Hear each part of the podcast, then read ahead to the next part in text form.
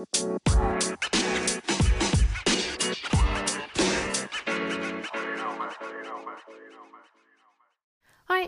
mijn naam is Janneke en welkom bij mijn Positief met Pubers podcast. De podcast waarin ik elke week vragen van ouders beantwoord over het opvoeden van pubers. Iets wat ik geweldig vind en waar ik gewoon heel blij van word.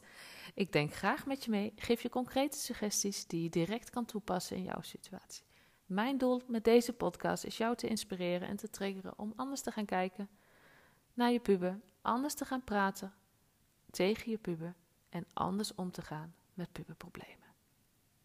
Heb je zelf een keer een vraag of een suggestie? Ze zijn altijd welkom. Je kan me vinden op Instagram op Janneke underscore, je pubercoach, of stuur mij een mailtje via info.conductien.nl. Nou, gaan gauw naar de podcast, aflevering van vandaag. Veel luisterplezier. Lieve groet. Hey hey, super tof dat je weer luistert. Aflevering 106 van de Positief met Pubers podcast staat weer voor je klaar. Allereerst wil ik even mijn excuses maken, want ik heb ehm, teruggekregen dat uh, het geluidskwaliteit van aflevering 104 over mobiel gebruik uh, niet goed was. Ik had de microfoon te dicht bij mijn mond, waardoor dit gevoel, weet je, dat. Excuses daarvoor. Ik, uh, ik hoop dat het nu beter gaat en ik hoop ook dat in podcast 105 dat het beter is gegaan, maar dat deze nog beter gaat. Want ik heb heel even gegoogeld hoe ik dat anders kan aanpakken. Dus dat gezegd hebbende, ga ik door naar de podcast van vandaag. 106. En je hebt het al in de titel kunnen lezen waar het over gaat. Ik zal beginnen met een inleidend berichtje die ik van een, dat ik van een moeder heb gehad. En daarna zal ik jullie meenemen in wat ik heb aangegeven, wat ik heb verteld, welke tips ik heb gegeven en de reactie van moeder. Nou ja, en daarop volgend ook weer een vervolgtrap. Nou komt-ie. Oh Janneke, ik volg je al enige tijd en je podcast geeft me rust, begrip voor mijn puberzonen. 14 en 15,5. Nou ja, altijd fijn. En inspiratie om te verbinden op, om vanuit verbinding op te voeden. Nou, daar ben ik altijd heel blij mee als ik dit hoor. Ik wil graag je advies vragen voor het volgende. Mijn jongste zoon, 14, komt regelmatig samen met zijn vrienden tussen haakjes in de problemen. Op zich onschuldig en geen dramatische gevolgen. Alleen de frequentie baat ons zorgen. En ook bang dat binnenkort toch iets gebeurt met ernstige gevolgen. Lijkt of ze in hun enthousiasme vergeten wat kan en wat niet. Hoe kan ik hem helpen om beter in te schatten wat maatschappelijk aanvaardbaar is en aan te voelen wanneer hij zich even gedijst moet houden? Ik geloof zelf dat straffen, uh, de juiste, uh, straffen niet de juiste reactie geeft. Oh, sorry. Ik geloof zelf niet dat straffen de juiste reactie is, maar hoe reageer ik dan best? Alvast dank. Nou, allereerst, maar dat bedenk ik me nu, want dat heb ik moeder niet gezegd, aanva maatschappelijk aanvaardbaar. Dat gaat bij mij triggert dat iets. En meer het zin van, oké, maar uh, uh, in de zin van maatschappelijk aanvaardbaar. Moeten wij dan doen wat de ander van ons verwacht? Mag een kind zich niet op zijn eigen manier ontwikkelen? Of, en niks naar moeder toe, want ik, ik heb een heel leuk gesprek gehad met deze moeder, maar maatschappelijk aanvaardbaar. Ik denk dat we dat in die zin los moeten laten. We moeten gaan kijken, oké, maar wat heeft mijn kind nodig om zich gelukkig te voelen, om zich fijn te voelen, om zich prettig te voelen? Dat moet voorop staan. En of dat maatschappelijk aanvaardbaar is, weet je, interesseert me niet. Als je zoon, in dit geval zoon, het kop boven het maisveld uitsteekt omdat hij heel erg goed is in iets, laat hem dat vooral doen. Ook met dit, wanneer je zoon anders reageert of anders handelt dan andere kinderen, zo so be. Dat, maar ja goed, dat even te zijn. Wat ik wel heb gezegd tegen moeder is dat ik haar zorg heel goed kan begrijpen. Weet je, jongens en meiden ontwikkelen zich gewoon op een andere manier in de puberteit. En uiten zich ook anders. En dat is helemaal oké. Daar waar meiden vaak uh, uh, als, als, als ze grenzen willen opzoeken, naar binnen trekken, gaan kijken met hun eigen lijf. Oké, maar wat kan ik doen? Wat kan ik hebben? Wat kan ik niet hebben? Niet per se negatief, maar die doen dat gewoon op een andere manier dan. En jongens zijn daar vaak in wat extremer. Die, die zoeken fysieke grenzen meer op. En die, die gaan op die manier meer. Uh, uh, de grens opzoeken. En meiden doen dat, doen dat op een andere manier. En dat is helemaal oké. En, en ze schrijft ook dat ze, op, dat ze op zich onschuldig zijn. En ik ben dan wel benieuwd, maar wat dan? En in de meeste gevallen, ongeacht wat het ook is, zal het dat ook blijven. Het is voor veel jongens, veel puberjongens, hun manier van zoeken naar wat mogelijk is en wat kan. Letterlijk opzoeken van grenzen. Daar waar meiden vaak grenzen opzoeken in, in afspraken, laten thuiskomen toch dingen doen die eigenlijk niet mogen. Op die manier grenzen opzoeken zijn jongens meer de grens opzoeken, ja, wat ik al zeg, op fysieke manier. En als ik het goed heb begrepen uit het verhaal van deze moeder, is dat ook in dit geval zo, die fysieke grenzen. En ja, weet je, dat, ja, dat, dat kan zorgen geven. En, en, en ik herken het in die zin ook wel een beetje bij onze zoon. Onze zoon is zes en die vindt het geweldig om overal op te klimmen en te klauteren. En die wil heel graag op muren en op huizen en op daken klimmen. Dus we hebben hem al toegezegd, en als hij straks oud genoeg is, mag hij op freerunnen bij de vereniging hier. En dat, is helemaal oké. Maar mijn zoon is zes, is nog geen puber. Dus dat, dat zegt wel een heleboel over hoe dat mogelijk als puber gaat. Nou ja, wat, wat in deze, wat mij altijd helpt, wat ik ook altijd tegen pubers zeg en wat ik tegen andere ouders is zeg, is stel die, die puber de volgende vragen. En deze vraag heb ik ooit van Steven Pont. Dus Steven Pont is ontwikkelingspsycholoog. Heb ik, van hem heb ik dat gehoord of geleerd. Ik weet niet eens meer. Of gelezen. Nou ja, maakt ook niet uit. Maar die vragen helpen mij altijd om ja te zeggen of nee te zeggen. En, en dat geef ik uh, ook onze jongste ook al mee.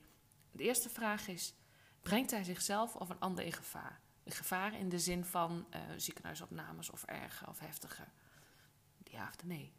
Hebben anderen er last van? Dus ook uh, uh, als het gaat om overtreding van de wet of nou ja, huisvredebreuk. Nou ja, alles wat, wat niet mag, zeg maar, bij wet niet mag. Kan je op beide vragen nee antwoorden, dan is je antwoord ja. Dan moet je, mag je hem de ruimte geven om te ervaren. Niet gemakkelijk, maar wel belangrijk, want hij is zichzelf en de andere brengt hij niet in gevaar. In de zin van uh, heftige verwondingen, ongelukken en dat soort dingen. Uh, per of vervelende val is natuurlijk daar gelaten, maar dat, dat, dat, kan iedereen overkomen. Dat kan mij ook overkomen als ik al even een stoeprandje niet goed pak. Maar wanneer je daar nee op kan zeggen en wanneer je de antwoord op kan geven dat je de anderen niet tot last bent, weet je, als je op beide nee kan zeggen, geef hem dan die ruimte. En maak hem bekend met deze vragen. Want dat is wel een meerwaarde, ook in deze. Wanneer hij zelf deze vraag voor zichzelf kan beantwoorden. En dat zijn twee hele korte vragen. Kun je hem daarin ook het vertrouwen geven? Kun je hem daarin ook de ruimte geven? En misschien helpt het je ook om daar afspraken over te maken. Over uh, uh, dingen die je acceptabel vindt qua onderzoek van wat je wil gaan doen of wat je gaat doen. En dingen die je niet uh, acceptabel vindt voor jouzelf, maar ook voor hem. En hoor je, dan hoor je ook direct waar zijn grenzen liggen. En hij hoort direct wat jij acceptabel vindt en niet acceptabel vindt. En mocht hij met niets komen, dan zou jij degene kunnen zijn, dus als ouder degene kunnen zijn om die, die grenzen te stellen. En denk je bijvoorbeeld aan twijfel over het antwoord op de, een van de twee vragen die ik hierboven genoemd heb. Dus brengt hij zichzelf of en of een ander in gevaar? Of hebben anderen er last van? Nou, moeder gaf aan, uh, ik had het in eerste instantie over harde en zachte grenzen. Nou, dat is dus acceptabel en niet acceptabel uh, gedrag. En zij heeft nog een aantal concrete voorbeelden gegeven. Dus met waterpistool in school, terwijl de regels staan dat het niet mag. Thuis een busrit, een juf filmen en dat ontkennen. Een oud schoolgebouw binnengaan, eieren gooien tegen een huis. Uh, in een zwembad in de tuin van een vreemde mensen springen. Nou ja. En moeder geeft ook aan, ik ben nu al bang met dat het misloopt telkens wanneer je wil afspreken met vrienden. En ze schrijft ook nog, zou helpen uh, om wat concrete voorbeelden te krijgen, om te reageren in plaats van te straffen. Hoe kan ik me hierop helpen hierop te reageren? Nou, even uitgelegd dat acceptabel en niet acceptabel gedrag is. Dus wat regel niet acceptabel is, dus uh, wat bij regel of wet niet mag of kan. En wat irritant puberaal is, maar acceptabel is. Nou ja, dat, nee, in deze voorbeelden uh, moet ik ze even bijpakken. Uh, ja, eigenlijk niks. Bedenk ik. Nee, goed. Dus in de voorbeelden die jij geeft is niet acceptabel gedrag. Het, in, in, bijvoorbeeld in, de, dat, in wat ze vertelde over het zwembad bij vreemden springen, weet je.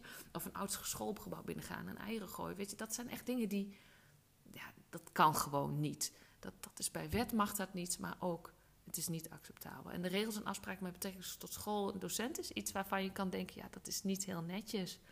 Tenzij school er echt sancties op legt, dan is het natuurlijk wat anders. Dus dat tijdens de busrit de juf filmen, nou ja, weet je, is niet netjes, maar oké. maar het ontkennen, dat is dan weer dat je kan zeggen van oké, maar dat is een harde grens. Of, uh, wat zei ze nog meer? Uh, met een waterbestom in een huis, ja, weet je. Of meer naar school, terwijl er staat dat het niet mag. Ja, weet je, ik heb ook wel eens met carnaval uh, verf.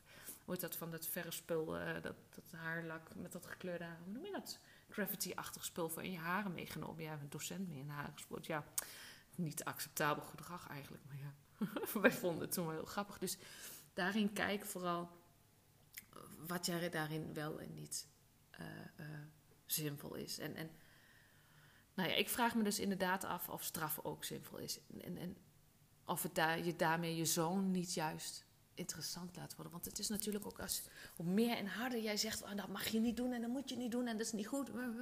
Hoe meer je zoon kan denken: oh, en waarom is dat dan? Dat is net zoals vroeger bij mij werd gezegd: nee, je moet niet gaan roken.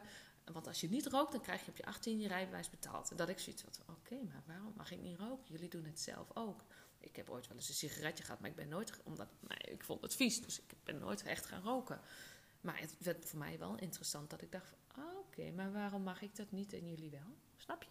Dus, en, en, en wat ik interessant vind, ook interessant vind in deze situatie, is: doet hij dit om, uh, omdat hij het zelf echt leuk vindt om te doen? Of is het ook de groepstrik?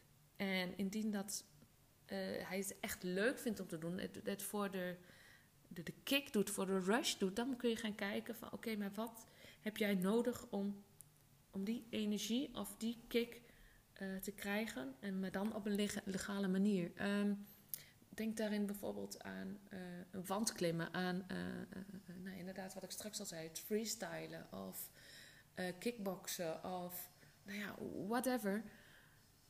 Iets waar hij zijn energie kwijt kan op een bewijzen die hij nodig heeft. En hij ook op een legale manier die, die rush krijgt, die kick krijgt.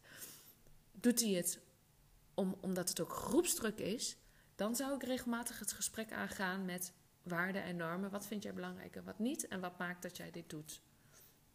Op die manier. Weet je, want veel ouders zijn geneigd om het probleemgedrag bij de puber neer te leggen. Maar juist door proactief te gaan handelen, help je deze puber veel meer.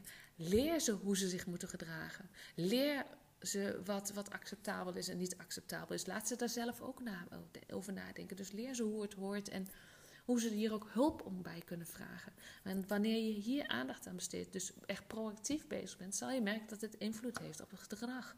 Naast dat het je zou helpen dat, uh, dat hij die, die grenzen wat minder gaat opzoeken door die alternatieven te gaan toepassen. En in het algemeen helpt ook altijd het humor, het belonen en gerichte actie in plaats van straffen inzetten. Uh, om een escape mogelijk te maken. Dat, dat werkt vaak ook bevorderend. Dus wanneer jij van tevoren al duidelijke regels en afspraken maakt, je verwachtingen met elkaar bespreekt, dus jouw verwachtingen naar hem, maar ook die van hem naar jou toe, en je consequent in bent, heeft dat invloed op zijn gedrag en het al dan niet overschrijden van dat niet acceptabele gedrag, dus van die, van die grens. Ja, ik denk weer een hele interessante die vooral, nou ja, voor de uh, jongens, pubers, ouders, is dat een woord, maar in ieder geval die kant. Uh, interessant is. Laat me dit ook vooral weten. Ik vind het altijd heel fijn om te horen. En dat doen jullie al heel veel, dus daar ben ik gewoon heel erg blij mee. Nou, dankjewel voor het luisteren. Ik hoop dat je er weer wat mee kan. Ik hoop dat het je inzichten geeft en dat je kan denken: oh ja, ja, dit dacht ik ook. Of dit is interessant, deze manier van denken. Oh, oké, dus dat geeft mij weer inzicht en inspiratie om op andere manieren te denken. Over andere casussen. Dus daar doe ik het voor. Om jullie te helpen. Om zoveel mogelijk ouders te helpen. Dankjewel voor het luisteren. Tot de volgende keer.